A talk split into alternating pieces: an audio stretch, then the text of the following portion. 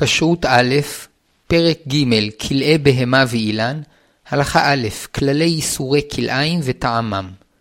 ברא השם מינים שונים בעולם, ובכמה עניינים ציווה אותנו שלא נערבם זה בזה, שנאמר, את חוקותיי תשמורו, בהמתך לא תרביע כלאיים, שדך לא תזרע כלאיים, ובגד כלאיים שעטנז לא יעלה עליך. ונאמר, לא תזרע כרמך כלאיים, פן תקדש המלאה הזרע אשר תזרע ותבואת הכרם. לא תחרוש בשור ובחמור יחדיו, לא תלבש שעטנז, צמר ופשתים יחדיו.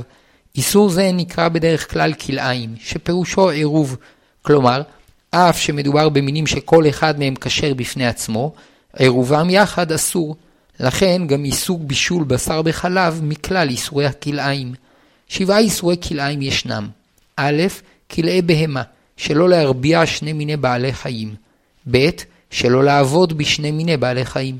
ג', כלאי אילנות, שלא להרכיב שני מינים. ד', כלאי זרעים, שלא לזרוע שני מיני זרעים יחד. ה', כלאי הכרם, שלא לזרוע תבואה וירקות ליד גפנים. ו', כלאי בגדים, שלא ללבוש בגדים שמעורבים בהם צמר ופשתים יחד. ז. בשר בחלב. איסור כלאיים חל על מיני צומח וחי.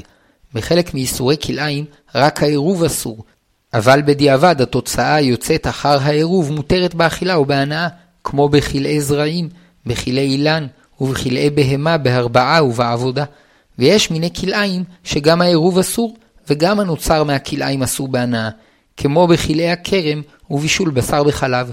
ובכלאי בגדים, שעטנז, האיסור הוא רק ללבוש כלאיים, אבל אין איסור לעשותו עבור גויים או שלא לשם לבישה. המצוות שתלויות בקרקע, כמו כלאי זרעים וכלאי הכרם, נוהגות מהתורה בארץ ישראל בלבד בכל גבול עולי מצרים. ואילו המצוות שאינן קשורות לקרקע, כמו כלאי בגדים, בשר בחלב וכלאי בהמה, נוהגות גם בחוץ לארץ. גם כלאי אילנות, היינו הרכבת שני אילנות זה על זה, אסורים בחוץ לארץ, הואיל והאיסור נעשה מעל הקרקע ולא בקרקע עצמה. כיוון שדין כלאי הכרם חמור, שהם אסורים באכילה ובהנאה, גזרו חכמים לאוסרם גם בחוץ לארץ.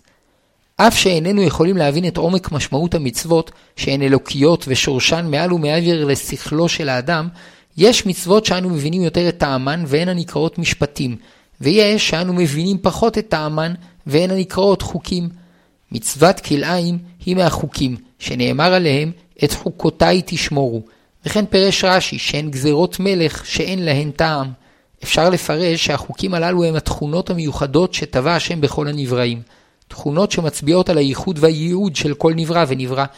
והחוק האלוקי שאין אנו יכולים לעמוד על סודו, הוא הבנת משמעותו וייעודו המיוחד של כל מין ומין שברא השם. והוזהרנו באיסור כלאיים לשמור את מקומו המיוחד והמכובד של כל מין, שלא לטשטש את ייחודו על ידי עירובו במין אחר. וכן אמרו חכמים, את חוקותיי תשמורו, חוקים שחקקתי לך כבר, בטבע הבריאה, תשמרו עתה. עוד יש בפירוש המילה כלאיים משמעות של כלא, שהעירוב כולא את תכונותיו של המין שאינו יוצא לפועל כראוי בגלל עירובו עם המין השני. ראוי לשים לב שבכלאי זרעים וכלאי הכרם, האיסור כבר בכך שהם גדלים סמוכים זה לזה, למרות שהם עצמם אינם מתערבים ומתלכדים, ואיסורם הוא בארץ ישראל, כי בארץ הקודש מתגלה יותר העניין האלוקי ואחדותו, וממילא ייחודו של כל מין ניכר יותר וצריך לשמור על מקומו המיוחד והמכובד. כשרות א', פרק ג', כלאי בהמה ואילן, הלכה ב', איסור כלאי בהמה. אסור להרביע זכר ונקבה משני מינים של בעלי חיים, שנאמר, את חוקותיי תשמורו, בהמתך לא תרביע כלאיים. ואף שנאמר בהמתך, הכוונה לכל מיני החי, ובכללם הציפורים והמינים המצויים בים, ונאמר בהמתך כדוגמה לשאר המינים, מפני שהבהמות מצויות אצל האדם. מן התורה אסור לבצע את הזיווג בידיים ממש, היינו הכנסת מכחול בשפופרת, הכנסת האיבר הזכרי בנקבי.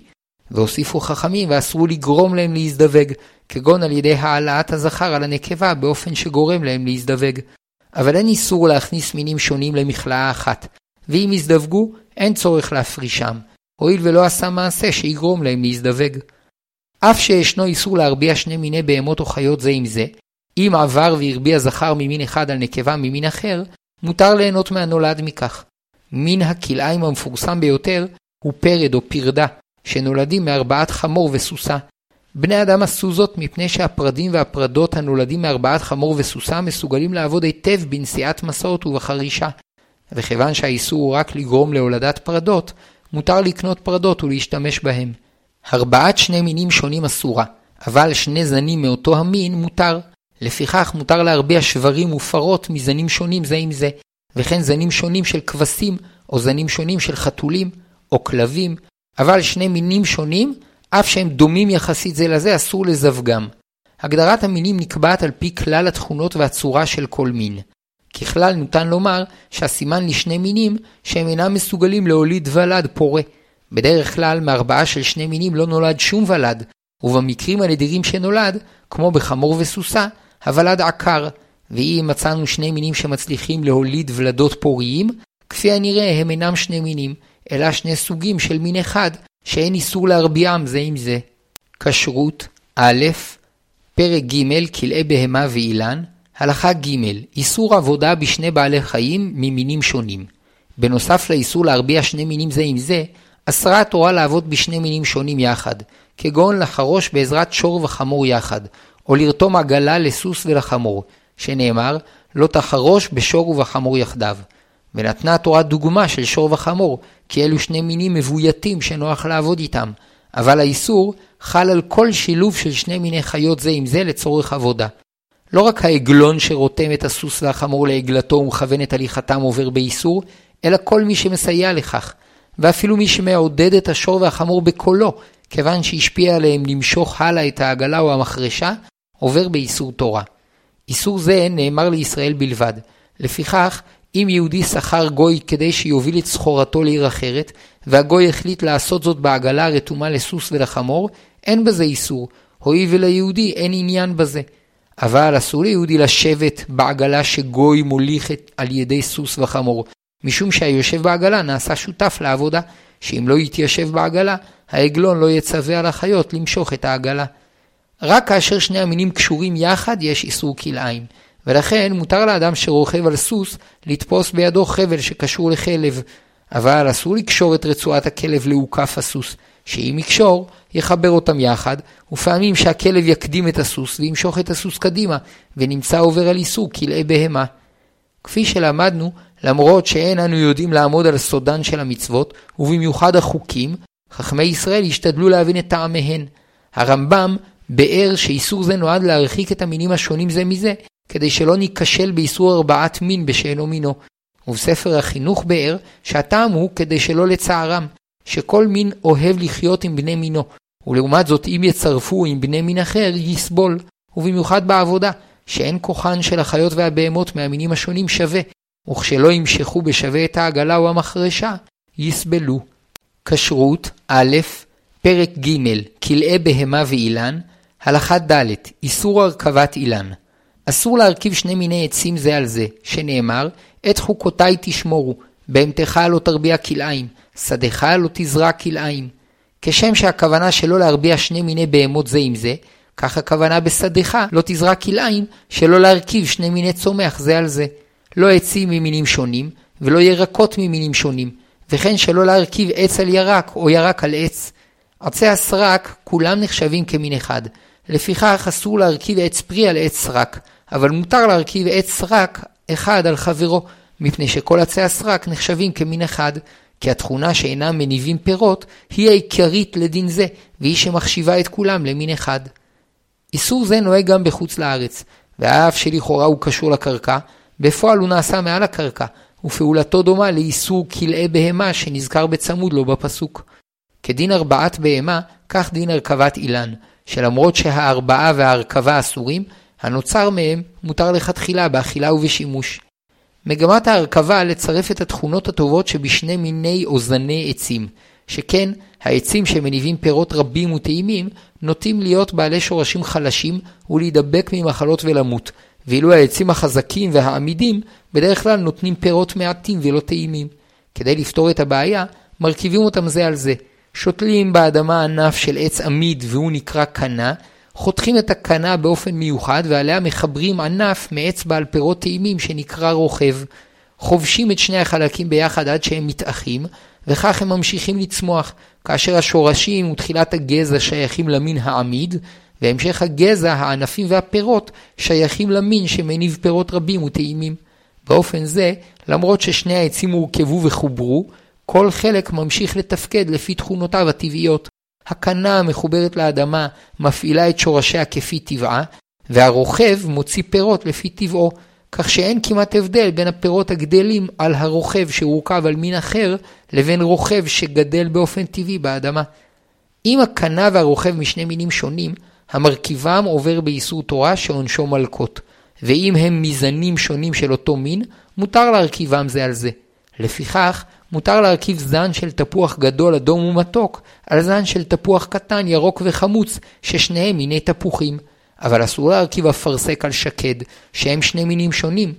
הגדרת המין לעניין כלאיים היא הגדרה מרחיבה, דהיינו, חלוקת המינים נקבעת על פי כלל תכונות העץ כפי שהוא נראה לעינינו, ובכלל זה צורת הפרי, טעמו, ענפי העץ ועליו ואופי גידולו.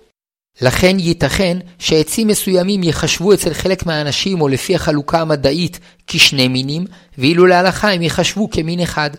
כשעם ישראל היה חי על אדמתו, והסנהדרין הגדולה הכריעה בכל שאלה וספק, מסורת חלוקת המינים לעניין כלאיים הייתה ידועה וברורה. אולם במשך הזמן וברבות הגלויות, לגבי עצים שונים התעוררו ספקות שקשה להכריעם. כשרות א', פרק ג' כלאי בהמה ואילן, הלכה ה' הרכבה והחלאה. הרכבת אילן האסורה היא חיבור שני מיני אילנות זה בזה, באופן שכל חלק נשאר בתכונתו, בלא שום התמזגות גנטי בין שני החלקים. אולם החלאה של אבקן ושחלה משני מינים מותרת. לכל צמח ישנה פריחה, ובפריחה אבקנים זכריים ושחלה נקבית. ועל ידי החרקים, הפרפרים והרוח, נפגשים האבקנים הזכריים עם השחלה, ובתוכה הביציות הנקביות, ועל ידי כך נוצר הפרי שבו הזרע, שממנו יכול לצמוח עץ נוסף. אם ייקחו אבקנים זכריים מעץ ממין אחד ויפגישו אותם עם שחלה נקבית ממין אחר, תיווצר החלאה של שני מינים שונים, והפרי שיצמח יהיה בעל תכונות גנטיות משותפות של שני ההורים שלו.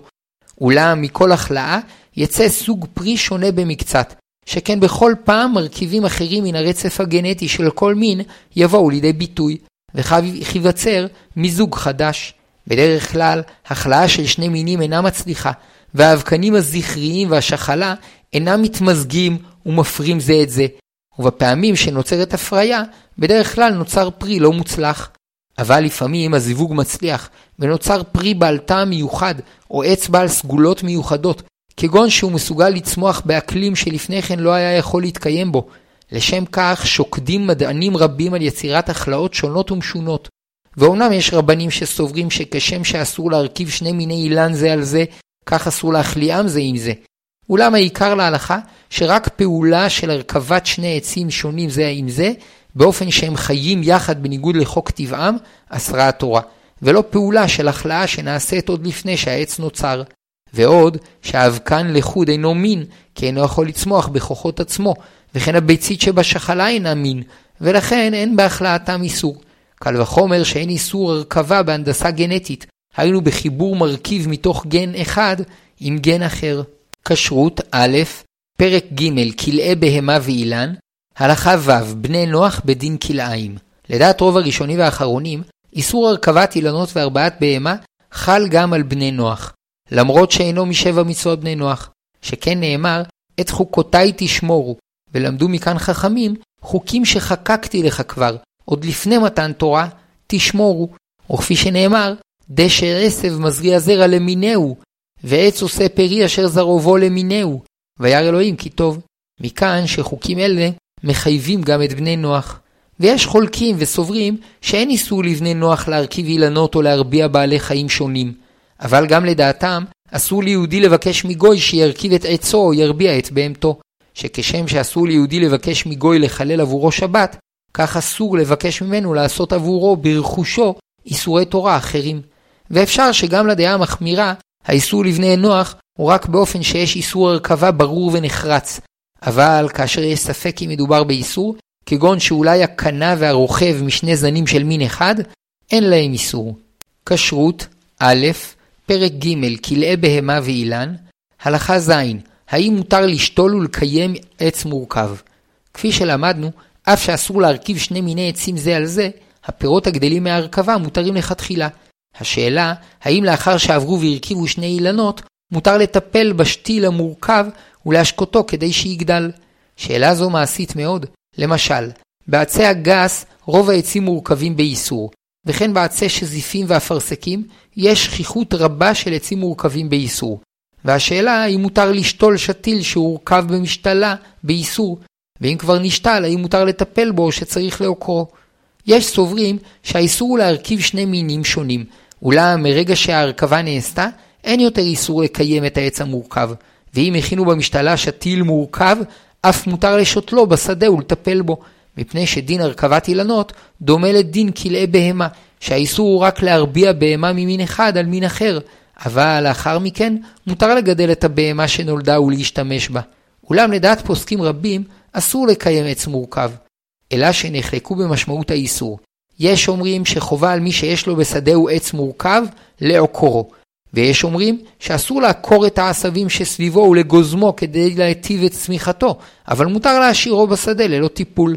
ויש אומרים שהאיסור לקיים עץ מורכב הוא רק עד שלב שהקנה והרוכב מתאחים, אבל לאחר מכן מותר לקיים את העץ המורכב ואף לשתול אותו.